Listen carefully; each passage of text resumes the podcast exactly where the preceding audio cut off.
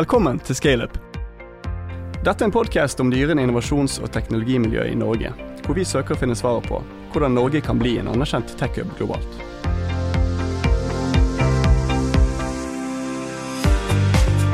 Vi har invitert Atle Sivertsen.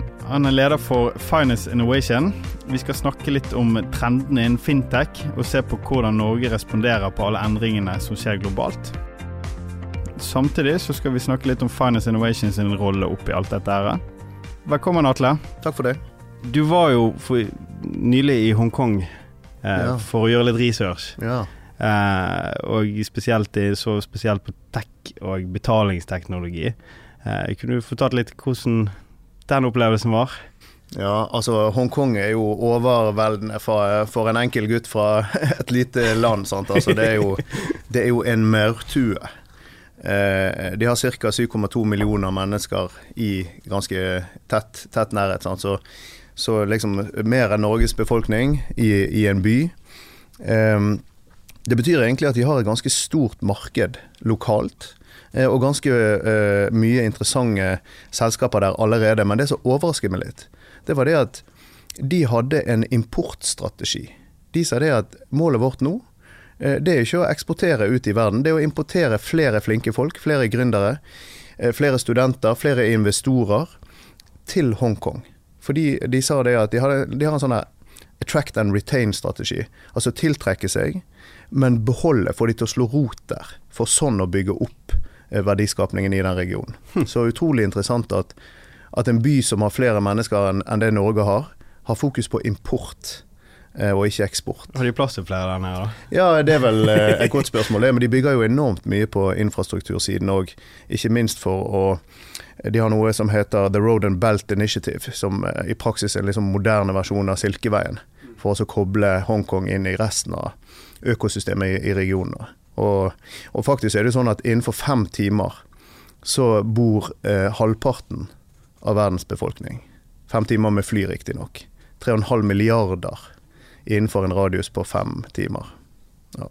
Så litt, litt overveldende.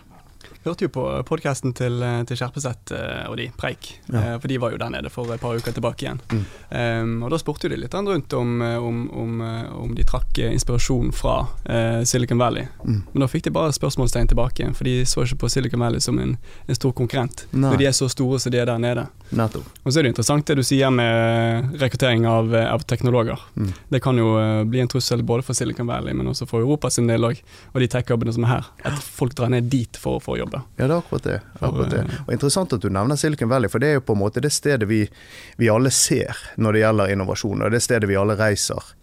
Eh, og veldig mange av de spennende selskapene som vi kjenner, som Facebook og Google og, videre, de kommer ut av det miljøet der. Men det som vi har gått litt, litt glipp av, er at det kommer en hel bølge med røde selskaper fra, fra Østen, som eh, gjerne er like spennende og like store. Eh, Alipay f.eks. har jo rundt 700 millioner kunder, hovedsakelig i ett land. Eh, mens Facebook har rundt 500 millioner kunder globalt. mm, Sånn, Så Ali er mye større, men vi har ikke hørt så mye om de ennå. mm. Og Vips, Eh, Vips har tre millioner.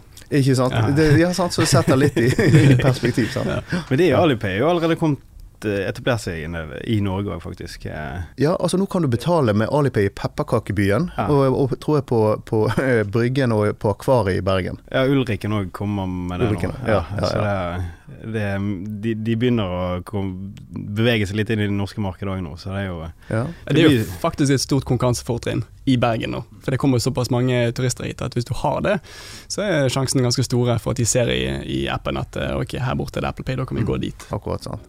Og det, det er jo ganske vesentlig for verdikapringen til, til en by som Bergen. Sant? At, at de turistene som kommer her, på en enkel og convenient måte kan legge igjen penger. På, på det, gjerne på den måten de er vant til fra hjemlandet. Og det er jo strategien til Alipay. Å følge kinesere rundt omkring i verden, og være den eh, liksom eh, ja, foretrukne og personlige eh, walleten, akkurat som Vips gjerne er litt for, for nordmenn. da. Mm. Det er jo, men Vips har jo um, de, de har jo valgt å integrere seg med Alipay for Mm. istedenfor å gå i konkurranse mot de direkte, så vil de Mm. heller samarbeide med dem. Mm. Det er jo, når du, når du snakker om brukermasse og så, så det, det er jo helt forskjellige nivåer på altså, Det er jo ikke mange brukere på Vips globalt.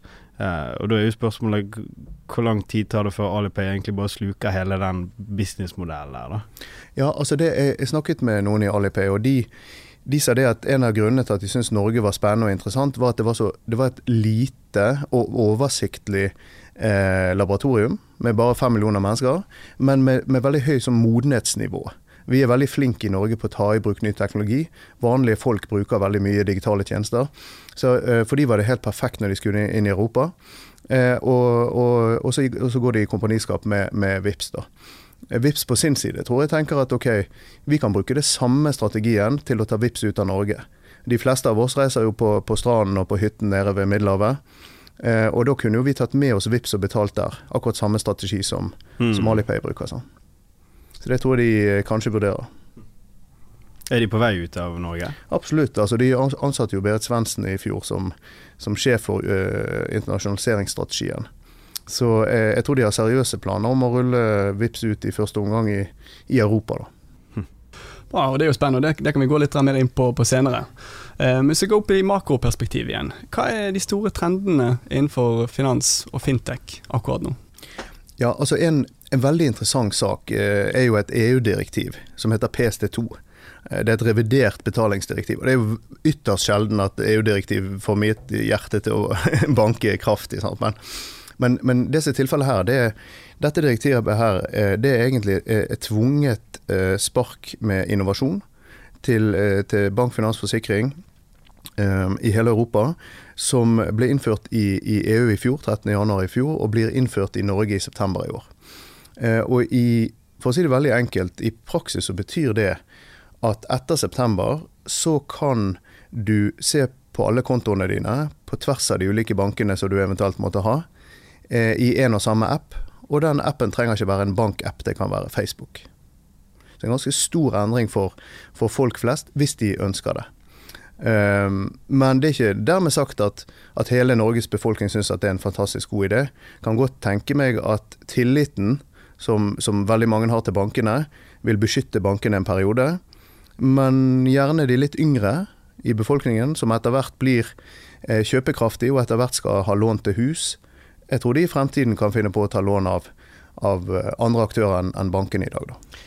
Du har jo eksempler. Altså, nå er det en liten disrupsjon som skjer innenfor bankfinansverden.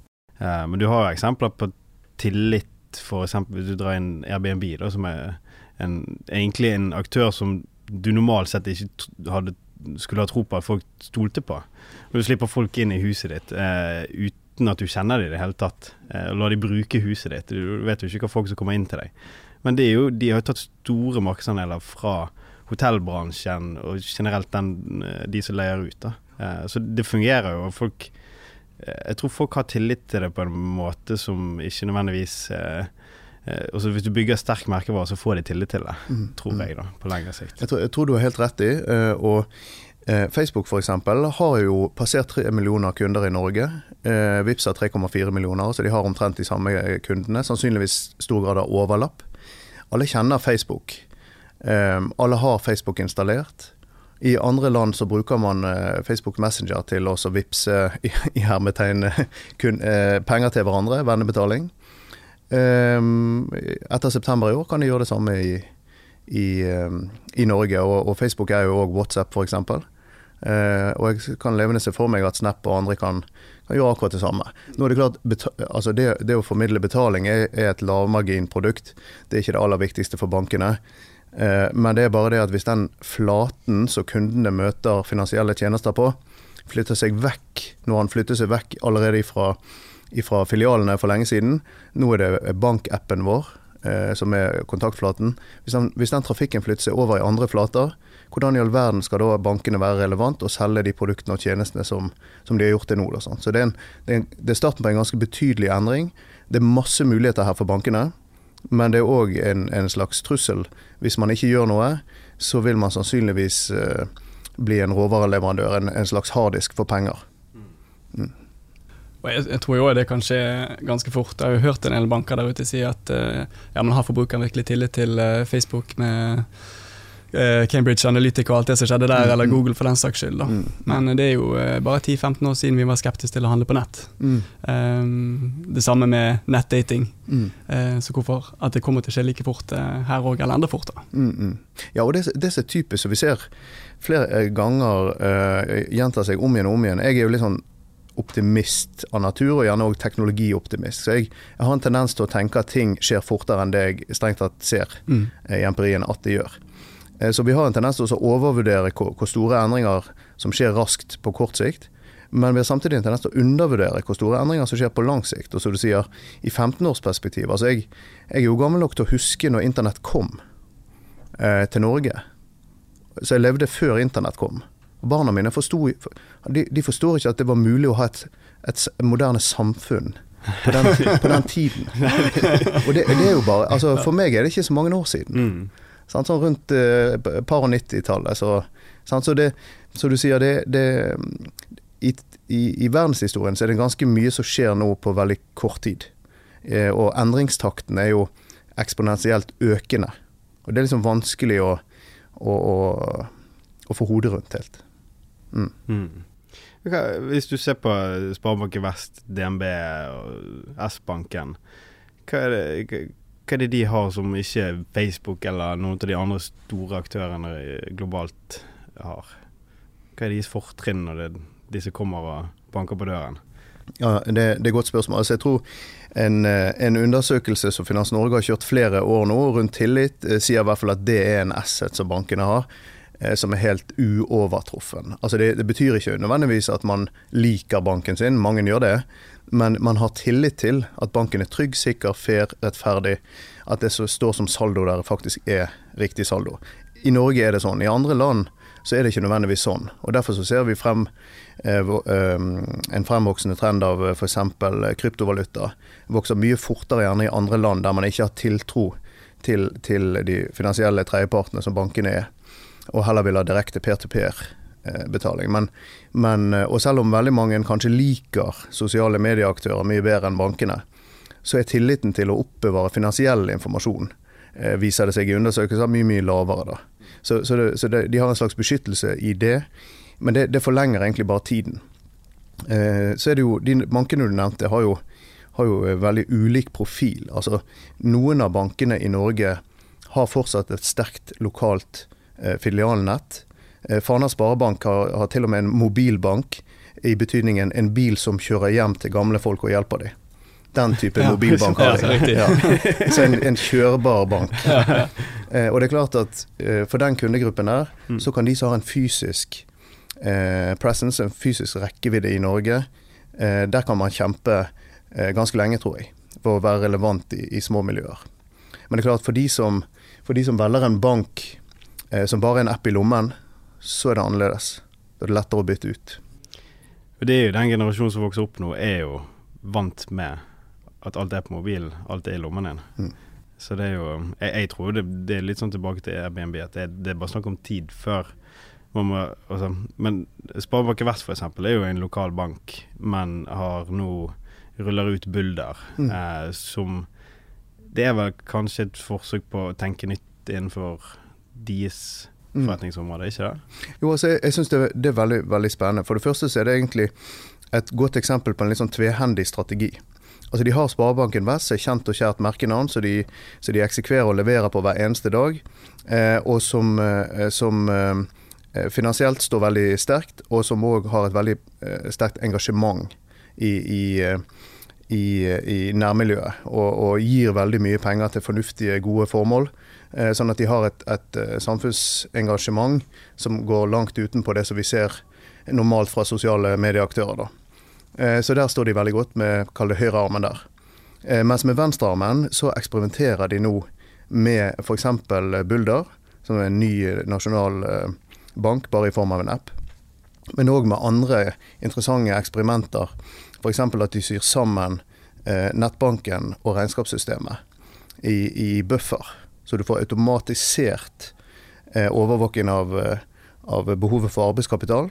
Eh, så de har en venstrearm som er begynt å eksperimentere, og som når de får validert noe som, som riktig, som funker i markedet, så kan den venstrearmen levere over til, til den stabile høyrearmen, som er egentlig den armen de tjener pengene med. Så den litt sånn search and execute-modellen som de har valgt, den har jeg veldig tro på. Jeg tror det er vesentlig bedre eh, å gjøre det enn å kun kjøre på dagens forretningsmodell. Mm. Ja, det er spennende, for det, det det de tester ut nye forretningsmodeller med, med, mindre konsepter, og så implementerer de stort etter hvert. Mm. Og Det det høres ut som, er jo at banken i Norge er veldig god til å spille forsvar. Vi har kommet veldig langt på, på kort tid. Eh, og som mange sier, både altså den bank-ID-løsningen vi har i dag, og eh, hvor langt bankene har kommet i forhold til å adoptere tek teknologi, og, for, og forbrukerne sånn som meg og deg, eh, ligger også i verdensklasse. Eh, men hvordan går det på den offensive siden av dette spillet òg? Det er vel to kriger som utspiller seg. Det ene er liksom å vinne i hvert fall hjemmemarkedet og sørge for at du har bygget opp barrierer så ikke -mm. Google kan gå rett inn. Og det kan de jo kanskje fordi at vi har bank-ID og bare kobler seg rett på. Mm. Gjort det lettere. ja. Gjort det lettere. ja. Men det er vel det vi må gjøre. Uh, men er det noen uh, av bankene eller startup-selskapene som, du ser kan lykkes globalt på lik linje med la oss si Stripe uh, fra, i Dublin? Mm. Ja, altså um, Vi skal forfølge vips eksempelet litt. Grann, altså, det er tross alt en startup. De er bare 160 mennesker, selv om de nå er en fusjon av, av gamle Vips og, um, og Bankaksept og BankID. Uh, og så har de i ryggen over 100 norske banker, sant? så det er en corporate startup på et vis. Um, de har jo lenge hatt en utfordring med at de kan ikke bare eksportere VIPS, fordi at hele den infrastrukturen som, eh, som det er avhengig av, den fins gjerne ikke utenfor Norden. Uh, og det er jo utenfor Norden som er det mest interessante for VIPS. Uh, resten av Norden har jo allerede VIPS eller tilsvarende. Sånn at de har på en måte et togsett, men de har ikke togskinnene. Og så fikk de lov å, å fusjonere med BankID, som da er, er helt vesentlig infrastruktur. Og nå har de egentlig en mulighet til å eksportere begge deler. For det der med sikker Eh, det der å sikkert gjenkjenne og eh, eh, autentisere en kunde, det er en utfordring mange steder.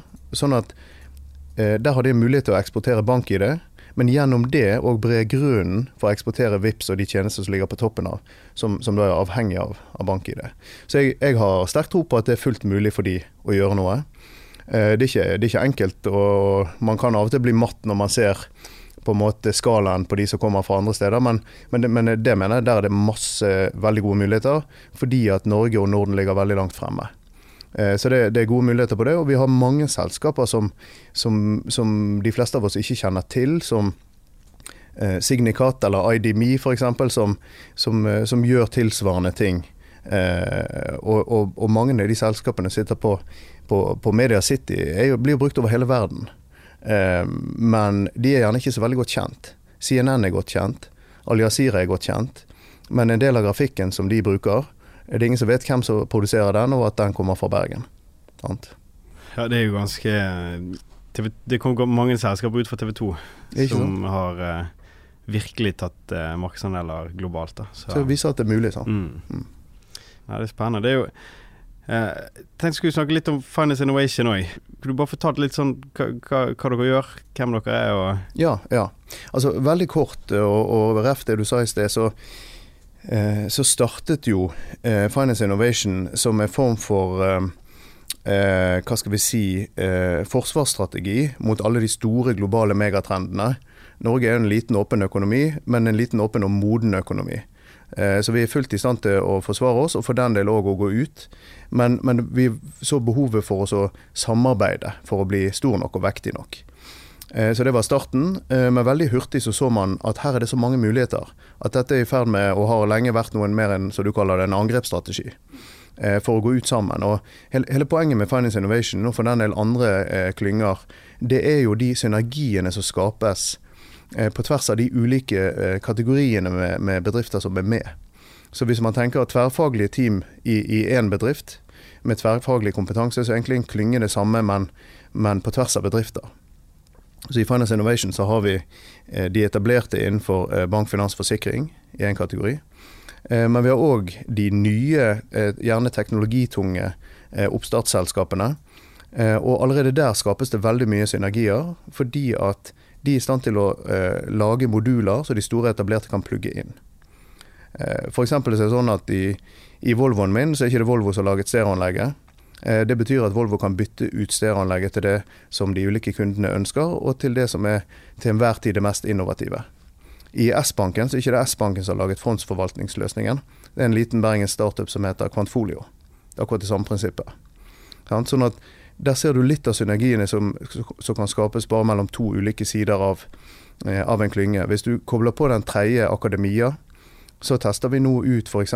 hvordan eh, forskning rundt atferdsøkonomi, altså hvordan vi egentlig tar økonomiske valg, eh, og, det, og, at det ikke alltid er tuftet på rasjonalitet. Eh, og Da får vi veldig mye spennende effekter når du tar eh, ny forskning på det området, anvender det i de laboratoriene som nettbankene til og appene til bankene tross alt er, og gjerne i samarbeid med nyskapende teknologiselskaper. Så de tre dimensjonene kan skape noe helt annet enn de, enn de klarer på egen hånd. Det er liksom rasjonalet i en klynge som Finance Innovation. Høres ut som dere er en viktig brikke for at man skal lykkes med fintech globalt. da.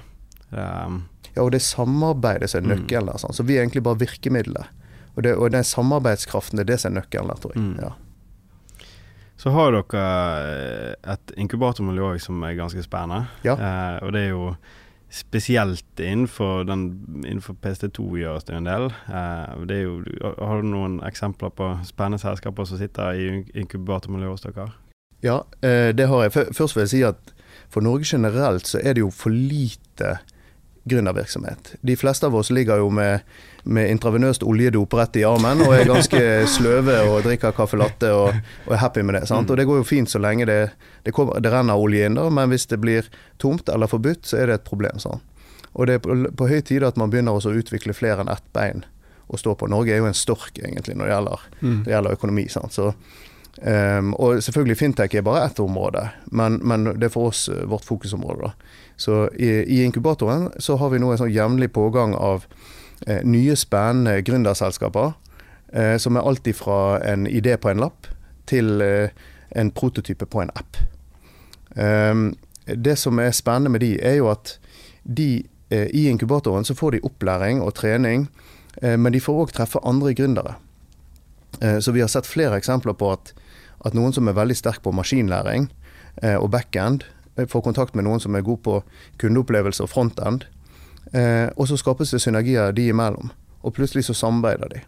I tillegg så får de gjerne kontakt med, med en eller flere etablerte banker eller forsikringsselskap. Eh, og de har gjerne òg en dialog med universitet eller høyskole som gjør at de får trukket på alle ressursene i, i klyngen. Eh, og en av de som har fått veldig mye traction, eh, Tjommi, de har jo behov for advokathjelp. For det er jo Beviset på at du lykkes som gründer, er jo at du, at du trenger advokat. Ja. eh, mm. fordi at de etablerte mm. syns at du blir for brysom. Mm. Og derfor det å ha nok juridisk kompetanse, teknisk kompetanse, eh, forretningsmessig kompetanse i en klynge, altså det tverrfaglige teamet, det er litt av nøkkelen. Og Her ser du egentlig hvordan, hvordan det styrken tilfaller de, de eh, gründerne som kommer inn i inkubatoren. Du har jo sagt på en uh, annen podkast at uh, du nylig har kommet over boken uh, 'The Speed of Trust', mm. hvor du da snakker mye om tillit og samarbeid. Mm. Kan du si om hvor, hvorfor det er så viktig for finansmiljøet i, i, Norge at man har tillit og at man samarbeider? Ja, altså jeg, jeg, tror det, jeg, tror det, er veldig viktig for egentlig alle miljøer. Altså, en av fordelene i en klynge er at det over tid opprettes et høyere tillitsnivå, la oss kalle det innenfor murene, innenfor klyngen, enn det er på utsiden. Og gjennom gjent gjentatte spill, som forskerne vil si, altså gjentatte eh, prosjekter eller samhandlinger, caser, så bygges den tilliten eh, gradvis opp. og Speed of Trust, et godt eksempel på det, er jo at hvis du, hvis du som gründer er i stand til å, å, sende en tekstmelding til meg, så sender jeg en tekstmelding til en banksjef, og så får du plutselig gjort noe. det går veldig mye, mye fortere enn det som er alternativene, for å si det sånn. Eh, men, men, det skjer kun hvis det jevnlig og gjensidig bygges opp verdi over tid. Så hvis, hvis, ikke, eh, hvis, det ikke fører til verdiskapning, så vil ikke det fungere.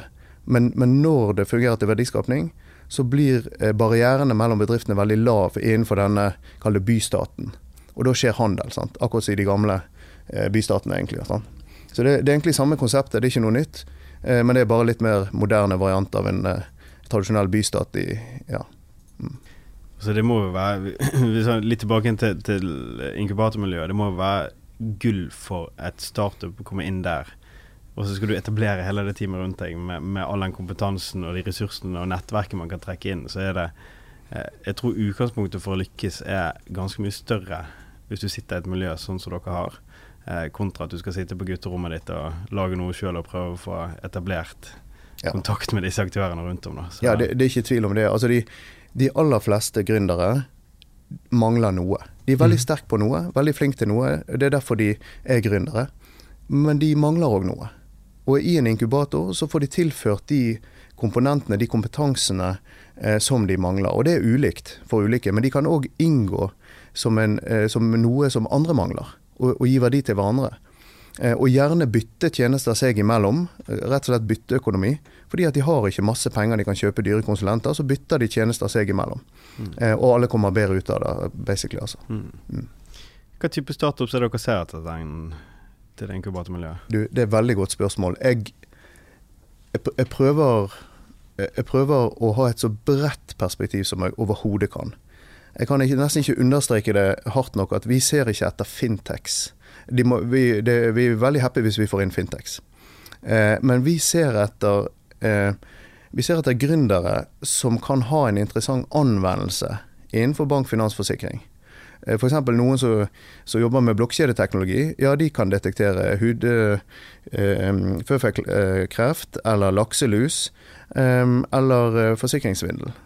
Sånn at et, et blokkjedeselskap er normalt ikke i mitt hode definert som en fintech. Men det som er grådig viktig, er jo at vi ser en anvendelse som er interessant innenfor vår bransje. Så jeg, jeg tror veldig sterkt på at innovasjon i en gitt bransje, eh, det, det kommer både selvfølgelig fra å skape nye ideer internt i bransjen, men vårt bidrag er vel så mye å hente inspirasjon fra andre bransjer.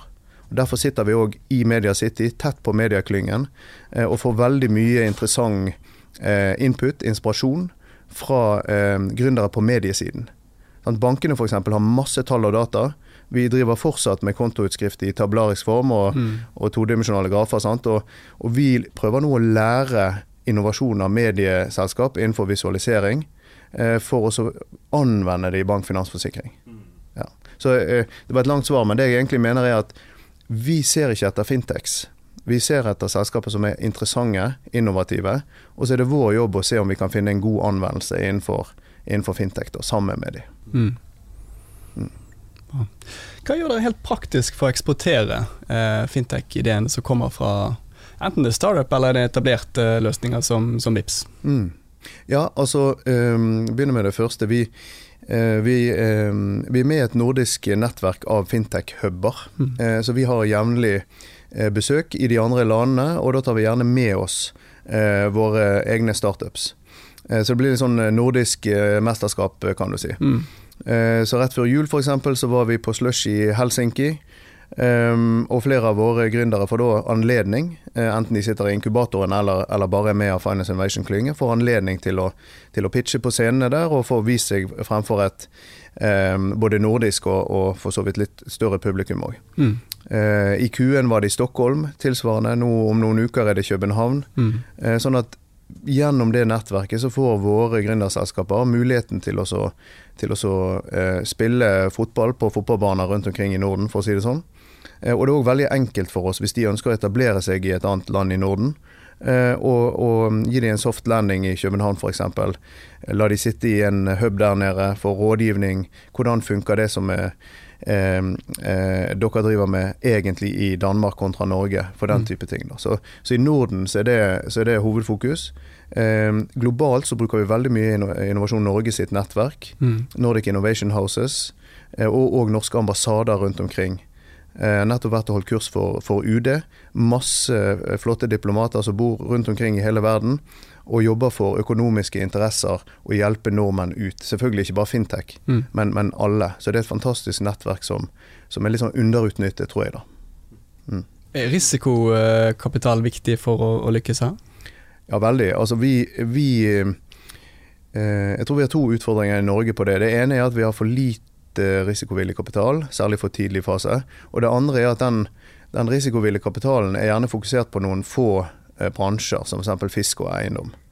Eh, det som vi jobber med, det er både å, eh, å få flere til å bli investorer gjennom å, å, å arrangere trening og opplegg for, for de som heller vil prøve å investere la oss si 50 000, 100 000, par hundre tusen eh, i, i f.eks. Fintex, kontra det å ha det på bok eller, eller, i fond eller den type ting. Så, så det å konvertere noen som ikke er investorer, til investorer gjennom opplæring, eh, det er en strategi.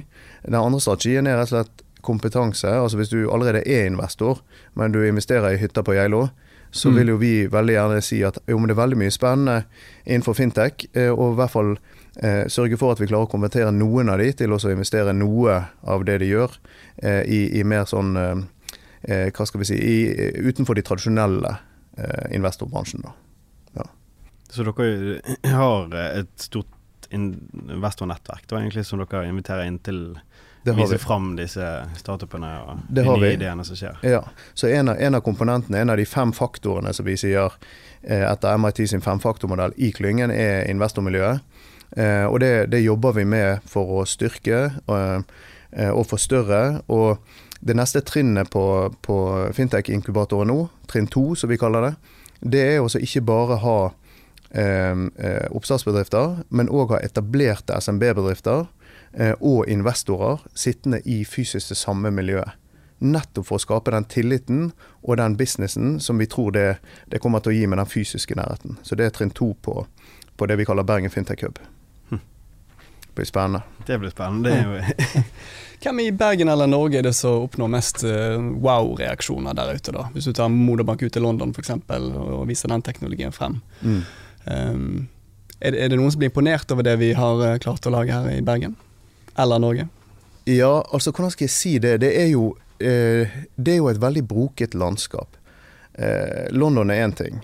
men hvis jeg, hvis jeg, heller tar USA, da, så er det litt, sånn, det er litt sånn enklere å eksemplifisere det. Altså, I USA så er det noen fantastisk herlige paradokser. Du har Silicon Valley, du har New York. du har du har et par områder som er veldig innovative og, og, og liberale på, på, alle bransjer. Um, og så har du på en måte ganske store eh, områder av USA som er på sjekk-nivå. eh.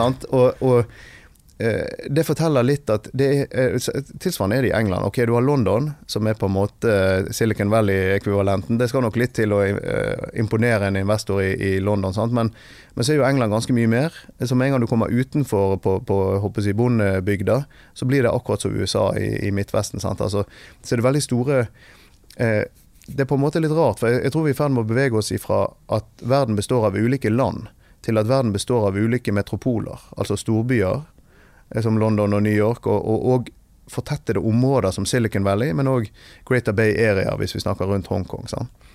Heller enn land. Så på mange måter så er vi liksom på vei tilbake til, som jeg nevnte, de bystatene. Så har vi for så vidt det nasjonale fortsatt, men, men det virker som de grensene er begynt å feide lite grann ned, og at, at, at magnetismen i disse, i disse økosystemene, altså disse metropolene, er eh, sånn at jeg tror det er veldig Jeg tror grensen går på er du hvis du skal pitche i en metropol, så skal det nok litt mer til å imponere noen. Men det er mange eh, muligheter utenfor de metropolene, i de landene som vi har nevnt, der det er kanskje lettere å, å gå inn. da. Mm. Mm. Tror du Bergen har et potensial til å bli en sånn tech-hub, en metropol på et vis i Skandinavia, eller i det minste i, i Norge, på, på, på, sikt? Ja, det, det, tror jeg absolutt. Altså, Bergen har jo siden Hansa-tiden vært en veldig sånn utadvendt. Mm. Jeg liker ikke å tenke at vi står med ryggen til resten av Norge, men det jeg mener er at vi står med blikket rettet utover. Eh, så det er veldig naturlig for oss å snakke, være åpen, snakke med folk fra andre land og andre kulturer. Eh, invitere de inn her, og, og besøke de ute. Eh, Trondheim er jo teknologihovedstaden. Eh, Oslo er vel gjerne kanskje byråkratihovedstaden. Eh, hvis Stavanger er oljehovedstaden, så tror jeg vi kan være innovasjonshovedstaden i Norge. Det er jo veldig spennende. Et godt utgangspunkt, i hvert fall. Men det, det, er jo altså, så Du snakket om slush og de store, store konferansene rundt om. er det noen som tenker i de baner i Bergen? Altså, hvordan skal vi klare å få disse til å komme her, istedenfor at vi må reise ut til dem? Ja, det, det, er veldig godt uh, poeng. Altså, vi, vi, har sammen med Medieklyngen tatt på oss å prøve å gjøre det. Uh, vi ser jo at Vestlandskonferansen er litt sånn uh, ledestjerne på det området. De har jo klart å få noen fly til å gå til Bergen. altså at det faktisk flyr folk inn fra Oslo og Trondheim, og til og med fra utlandet. Um, Alipay f.eks. og Vips besøkte Vestlandskonferansen forrige gang. og i, I fjor var det 600 der deltakere, nå var det 1200, og da var det 300 på venteliste, og Grieghallen var stappfull. Så jeg, jeg mener de har bevist at det er mulig. Vi har sammen med medieklyngen eh, et tilsvarende initiativ eh, eh, som vi kaller MCB Tech. Eh, I fjor var første året, eh, men da fløy vi inn headlinere fra, fra hele verden. Eh, det, gjør, det, samme gjør vi i år. og eh, litt i fjor, men særlig i år, så ser vi at vi får påmeldinger fra resten av Norge. Eh, så det er faktisk mulig. Vestlandskonferansen har vist at det er mulig, og det typiske er da at vi andre følger etter. At hvis noen viser at det er mulig å lykkes med eksport, så følger andre etter. Og Det samme prøver vi å, å gjøre og følge opp på, på, på konferansesiden og, og kunnskapsdelingssiden. Mm. Mm. Ja, for jeg tror det, det, det, er en god start da, eh, for å bygge noe. Bygge, du sa Trondheim er tech-hovedstaden, men for å bygge innovasjon og, Jeg tror òg tech er et spennende område. sånn at dere sitter her med fintech-miljøet rundt dere, kjenner den bransjen veldig godt eh, og har bygget noen baser for å, å, at fintech skal være det kommer mye nytt spennende fra fintech fra Bergen, mm, mm. tror jeg. Så, um. ja, vi, men vi har òg et uh, veldig stort fokus på samarbeidet med de andre byene. Altså, Trondheim f.eks. Vi har veldig godt samarbeid med NTNU Aksel. Uh, og for oss så er det på en måte ikke Bergen uh, som er hovedfokuset. Jeg ser Norge og Norden og resten av verden som et, som et nettverk av noder. Og Bergen er bare en node. Så ene fokuset mitt er å gjøre Bergen så sterkt som mulig som node.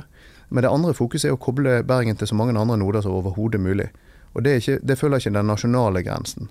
Eh, så det er like naturlig å, å, å samarbeide med Oslo som København, eller motsatt. Mm. Bra. Hva har eh, Hvis du ser fem år frem i tid, kanskje litt langt perspektiv, mm -hmm. men vi får tenke stort og litt langt frem i tid. Eh, når vil du vurdere, altså når vil du si selv at uh, Finance Innovation har lykkes med den satsingen uh, dere skal gjøre, eller når har uh, fintech-miljøet i Norge lykkes? Mm. Hva er kriterier vil du sette på på det? Ja, Det er jo veldig vanskelig spørsmål. men en måte å besvare det på, som, jeg, som, jeg, oppriktig tror er, er, sant, og som vi har sett eksempler på, det er når det ikke lenger er behov for oss da vi lykkes. Altså Vi ser at vi er en veldig fersk eh, klynge. Vi, vi lærer veldig mye av andre klynger, vi er så vidt begynt. Um, de mest modne klyngene eh, og innovasjonsaktørene rundt omkring, i de så skjer det innovasjon uten at det drives frem av kjerneteamet i klyngen.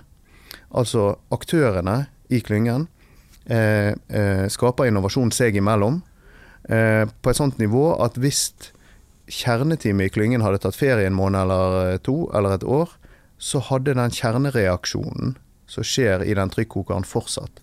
Jeg tror det er da du har nådd et punkt så du kan snakke om at du har lykkes.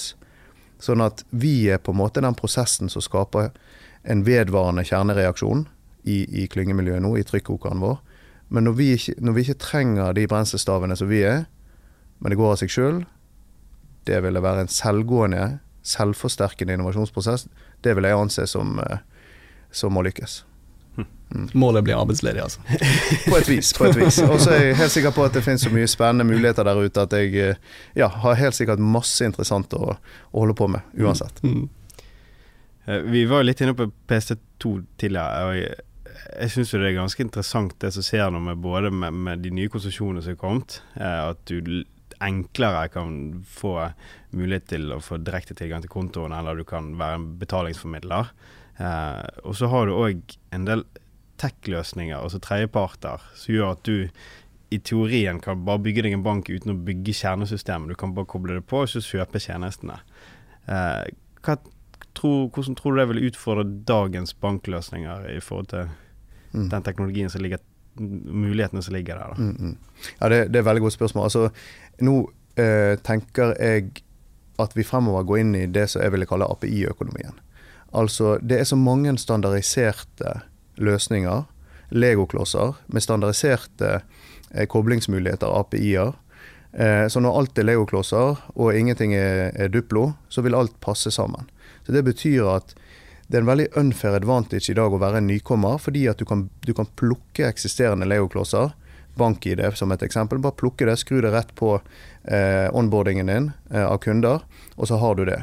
Sånn at når du starter, da, så har du en kjempefordel kostnadsmessig, for du har ingen søgnkost, du har ingen investeringer, eh, og du kan hurtig koble løs til en del av komponentene. Og løs det litt av nøkkelen, sant? fordi at det betyr at når du ikke utvikler alt sjøl, så må ikke du betale for alt sjøl.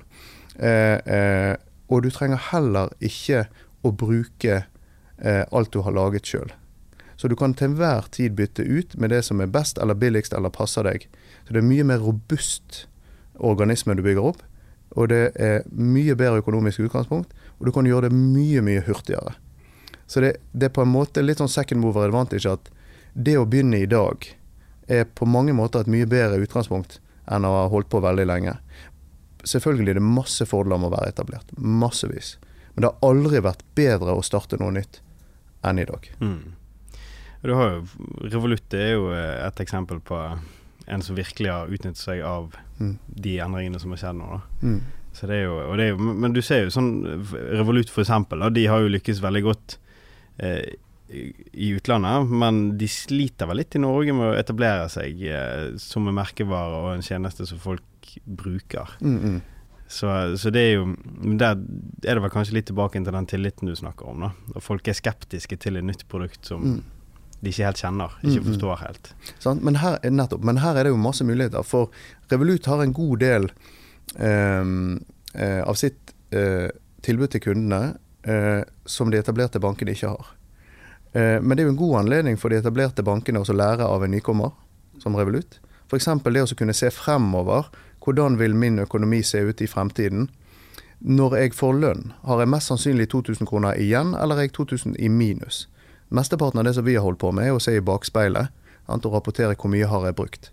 Så De har en del interessante verktøy for at jeg skal kunne styre økonomien min i, i, ut frontruten, for å si det sånn. Eh, Monobank har begynt å, å, å, plukke opp en del av de kule eh, tingene òg, og Bulder kommer til å tilføre en del på det området. Etter mitt syn så er det fullt tillatt for en etablert bank som DNB eller Sparebanken Vest, Fana, eh, å kopiere gode ideer fra nykommerne. Eh, og det er en litt sånn underutnyttet ressurs. Og ikke minst, som vi sier, å kopiere villig vekk fra andre bransjer. Altså gode, gode opplevelser fra, fra mediebransjen, f.eks. Hvorfor skal ikke vi ta det inn i bank? Så, så ja, det kommer knoppskyting og utfordrere, men det det har egentlig i seg å gjøre de etablerte mye bedre. Hvis de ser på det som, som innovasjonsmuligheter heller enn trusler. Så det kommer veldig an på perspektivet ditt, altså. Mm. Jeg tenker også, det er jo Hvis du tar Revolut igjen, så er jo det De er jo en sånn De har bare gitt full gass, eh, trykt på ut. Eh, kanskje ikke tenkt så mye på apparatet i bakhånd for å håndtere alle disse kundene hvis de har forespørsler mm. osv. Mm. Jeg hørte en podkast om Revolut som, der det var en kunde som plutselig hadde mistet pengene sine. Mm. Og så fikk ikke han kontakt med dem. Mm. De, for de, de har ikke nok apparat i bakhånd til å håndtere det. Sant? Okay. For de har tenkt startup, skalering, de skal bli størst og ut og, og store. mm. store. Uh, og det er jo noe som kanskje er lett å glemme når du er en sånn startup òg. Eh, at du faktisk skal ta vare på disse kundene òg. For det er ikke mange sånne smeller du kan ha før tilliten forsvinner helt og aldri kommer tilbake igjen òg. Jeg tror det, det er noe av det vanskeligste med, med, å starte noe, det er å ha suksess. Sant? Fordi at det å hele tiden bygge en seilbåt der masten er sterk nok til å håndtere de vindkastene som kommer, og utnytte det istedenfor å knekke, bygge skaleringsevne, robusthet, eh, det er veldig vanskelig fordi at du har jo en veldig lav cashflow i starten. Men jeg tror litt av den modulære API-økonomien vil tillate flere sant, med ganske lavt innstegspunkt å gå inn i en skyløsning. Kjøpe en del komponenter veldig billig, maskinlæring f.eks., så de kan, kan, kjøre maskinlæring på, på, kvitteringer og tilby deg å søke på bankkontoen din for hvor var det jeg kjøpte den TV-en min osv. Eh, veldig veldig billig, veldig enkelt. Trenger ikke utvikle maskinlæring sjøl. De bare eh, plukker det fra Asher eller fra andre løsninger. Sånn. Så så i dag så er det mulig på en forsvarlig måte å bygge inn skaleringsevne på en måte som du tidligere måtte investere like høyt som peak-nivåene var. sant? Eh, så, så, så, det er bare mye mye enklere teknisk og finansielt å starte i dag. Um, så det er bare et mye bedre utgangspunkt, og derfor tror jeg flere og flere vil bli gründere. Revolut kan vi se på som et selskap som har drevet litt disrupsjon i markedet. Um, du har jo Uber, Airbnb, alle de selskapene her. Er det er det, er det, en trussel, eller er det, er det noe man bør se på som muligheter mm. for eksisterende bedrifter. Mm. Nei, altså det er klart det er noe som heter 'death by a thousand cuts'. Altså det, det, er klart det er trusler når noen kommer inn med en helt annen forretningsmodell og plukker en del av marginen din. Så uh, åpenbart. Men jeg, jeg, tror det er en tabbe å bare se på dette som trusler. Uh, F.eks. Når, når Uber kom til Norge, så kastet vi vekk eh, to-tre år med å kritisere de og klage på de for, for, en god del områder som for så vidt kanskje fortjente å bli satt søkelyset på. Men når taxinæringen brukte eh, med negativt fortegn fokuset på de eh, tingene, så gikk de glipp av den fantastiske kundereisen eh, som Uber hadde. Det der at du kan, eh, uten å vite helt hvor du er, si 'jeg trenger en bil til den blå prikken her'. Eh, det at du kan se hvor langt unna er den bilen, er, han rundt neste hjørne, kommer han snart? Det er et behov man har når man bestiller drosje i hermetegn. Eh, det at du kan sette deg inn i en ren drosje som lukter godt, og bli kjørt til, til, fra A til B. Og normalt så har du dårlig tid før du skal inn i et møte, så det at du kan gå og bare implisitt betale for det kortet ditt ligger i appen. Altså det, det er en veldig smooth, enkel, eh, friksjonsløs kundereise. Eh, vi kastet vekk to-tre år der taxinæringen kunne gjort akkurat det samme. Nå, de har gjort det i dag, og det er flott, men de kastet vekk masse tid på å være redd for nykommeren. Så fant de noen eh, punkter å kritisere de for, som strengt tatt jeg eh, tror jeg hadde et visst belegg. Eh, men det er bare en wasted opportunity. De tapte flere år med innovasjon. Sånn det er derfor jeg sier at i forhold til Revolut, eh, Tink, andre eh, nykommere, her bør de etablerte bankene se og lære. Eh, og, og, og, anerkjenne at de har noen gode ideer, eh, men gjerne kopiere de og skalere de på sin vesentlig større kundemasse. Mye, mye heller enn å, enn å bare kritisere de de kaster vekk tiden sin på det. Det er rett og slett ikke god butikk.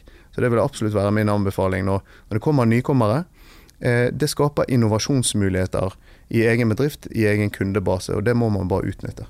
Der burde jo Kanskje de skulle hatt litt eh, De skulle hatt en finance innovation for taxinæringen, da. kanskje det blir det nye. ja, det, ja.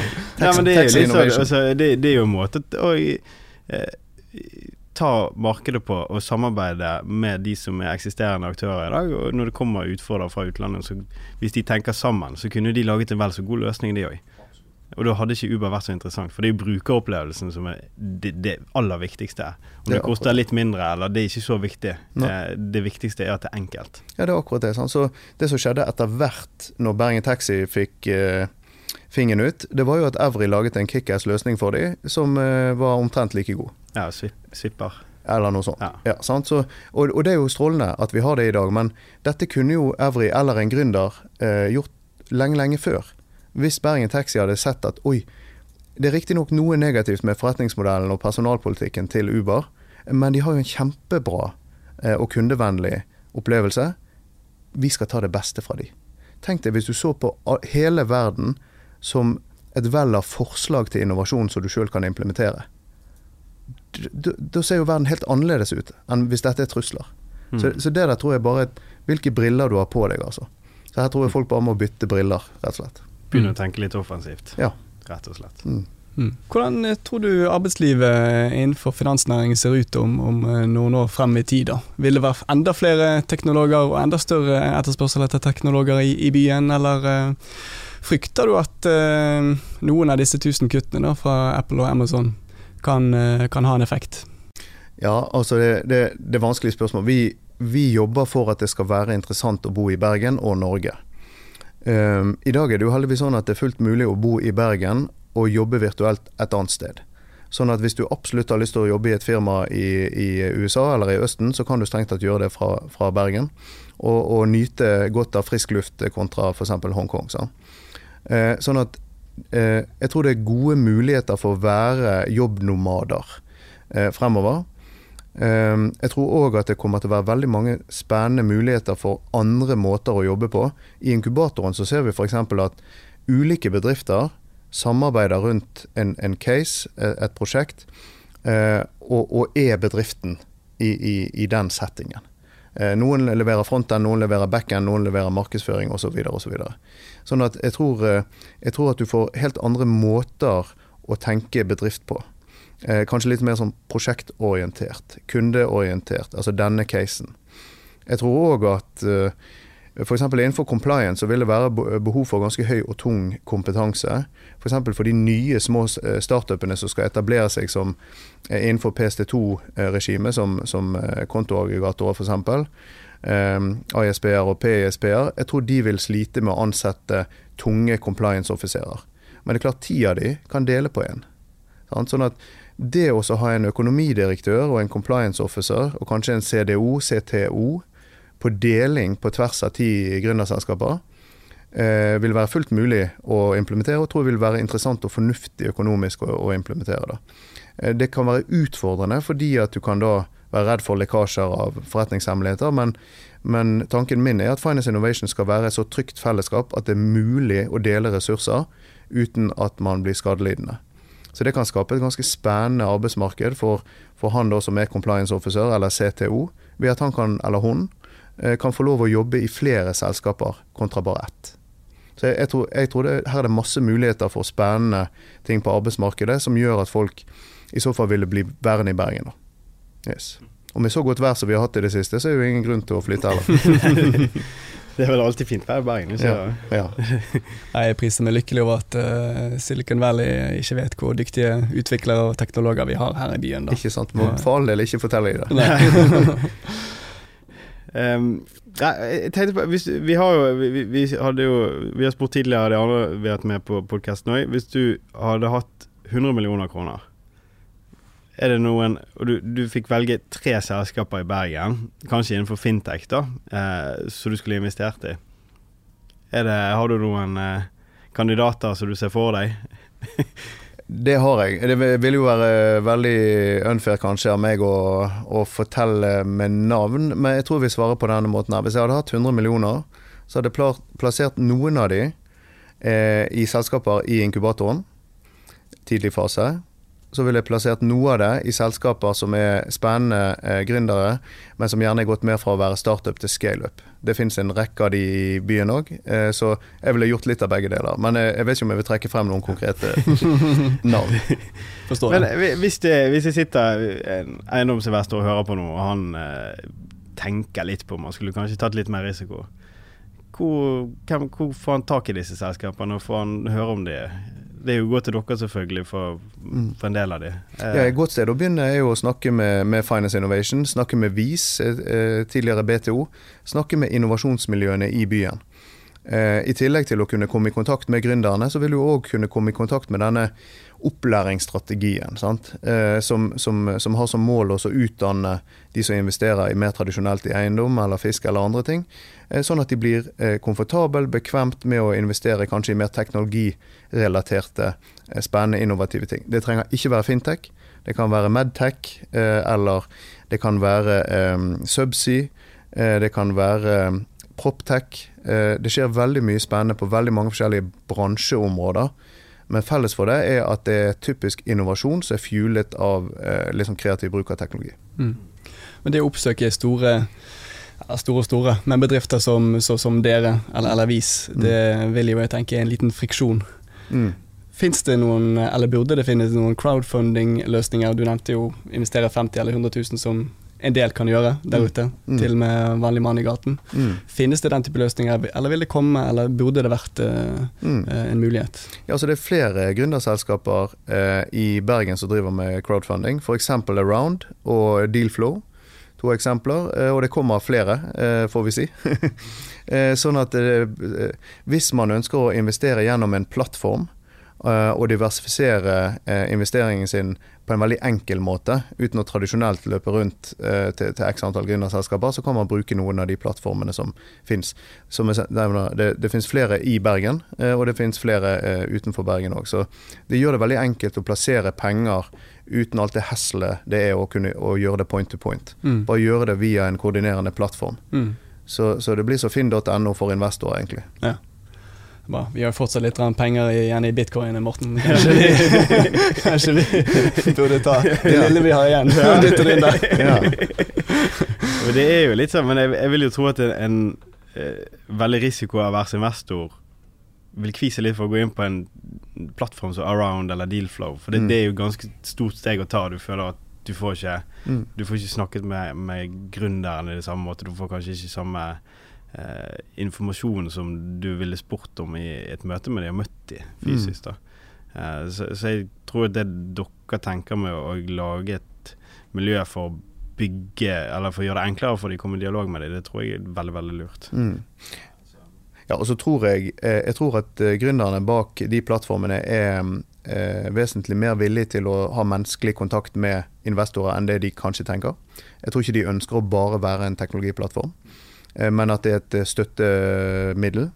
Eh, men i tillegg så arrangerer jo både vi og, og, og VIS og andre pitchedager der det er ganske convenient for en, for en investor å møte mange startups på en, på en gang. Sant? Så det blir som å arrangere liksom, fisketurer til merdene. Du vet at det er fisk der, og, og det er liksom bare å, bare å henge seg på. Mm. Så da må de følge Finance Innovation på Facebook, så får de infoen der. Absolutt. Det går fort, så det, det, de får følge oss i de kanalene de, de sjøl prefererer. Så ja. det er bare å henge på. Ja. Hvis du skulle gi tre tips til eh, gründere da, som har en god idé, hva skal til for, hva er viktigst for at du skal klare å skape noe stort? Oi, ja det er vanskelig. Um, jeg tror du var litt inne på det i sted. Det, det, det, er ingen grunn til å sitte for lenge i sin egen garasje eller hageleilighet. Det å søke inn i et innovasjonsfellesskap Finance Innovation er ett, men det finnes mange andre. Det, det, jeg ville sagt det, det er mindre viktig hvilket fellesskap du sitter i, men å søke inn i et innovasjonsfellesskap. Det, det er liksom råd nummer én. Eh, råd nummer to til 100 Eh, er å ikke gi opp. så det er på en måte For å ta det som en, eh, en mm. kategori. Eh, fordi at det, det, det, er tøft, og du møter motbør, men de aller fleste som lykkes, de har jo en innstilling om at, at det er litt sånn som Edison som etter 350 ganger ikke hadde klart å finne opp glødetråden, så sa folk ja, du, du har jo mislykkes med dette. Så sa han nei, jeg har funnet 350 måter det ikke virker på. Ja. eh, og det er den innstillingen som skal til. Mm. Og så kanskje det siste punktet, da, hvis du ville ha tre, det er Jeg ser en del som lykkes, men som da sliter med å høste på den suksessen. Så det å bygge inn skaleringsevne, altså en skalerbar forretningsmodell, eh, økonomisk, prosessmessig, teknologisk. Du nevnte dette med har du nok eh, kundeservice. Sant? Tesla har jo eh, kanskje hatt litt mer suksess enn det de har klart å, å følge opp på kundeservice. Sant? Og prøve å lage en skalerbar eh, bedrift, det tror jeg er helt avgjørende. For hvis du er så heldig å passere utfordring nummer én og, og nummer to, eh, så vil du mest sannsynlig ha suksess. Og det er klart, sterk vind kan knekke masten på en, på en seilbåt. Så det å ha tenkt igjennom og tørre å tenke at vi kan ha suksess, eh, og ikke vente til du har suksess, for da er det for seint å, å, bygge inn den skalerbarheten. Så jeg tror det er helt avgjørende å tørre å tenke litt Det er litt sånn unorsk kanskje, men jeg tror det er nødvendig å gjøre. Mm. For å si det sånn som Jørgen Klopp, eh, treneren til Liverpool, sa til laget sitt foran eh, den vanskelige Barcelona-kampen, hvor de tapte 3-0 i den første, måtte vinne 4-0 i, i, hjemmekampen. Da. Mm. Da sa han til, til, laget før de gikk ut på matten og, uh, Let's win or fail beautifully. Mm. Ja. Mm, mm. Ja. Det er bare å gunne på. Ja. Da vil jeg si tusen takk, Atle, for at du valgte å bruke en time sammen med oss. Um, vi har fått hvert fall fått et, eh, et positivt optimistisk syn på både fintech-miljøet i, i, Bergen, men generelt sett uh, Norge. Det er tydelig det at vi har et eh, godt fortrinn med å forsvare oss mot eh, de store tech-selskapene, i tillegg til at eh, vi har alle forutsetninger for å lykkes globalt. Tusen takk for meg, og veldig interessant og lærerikt å snakke med dere. Takk.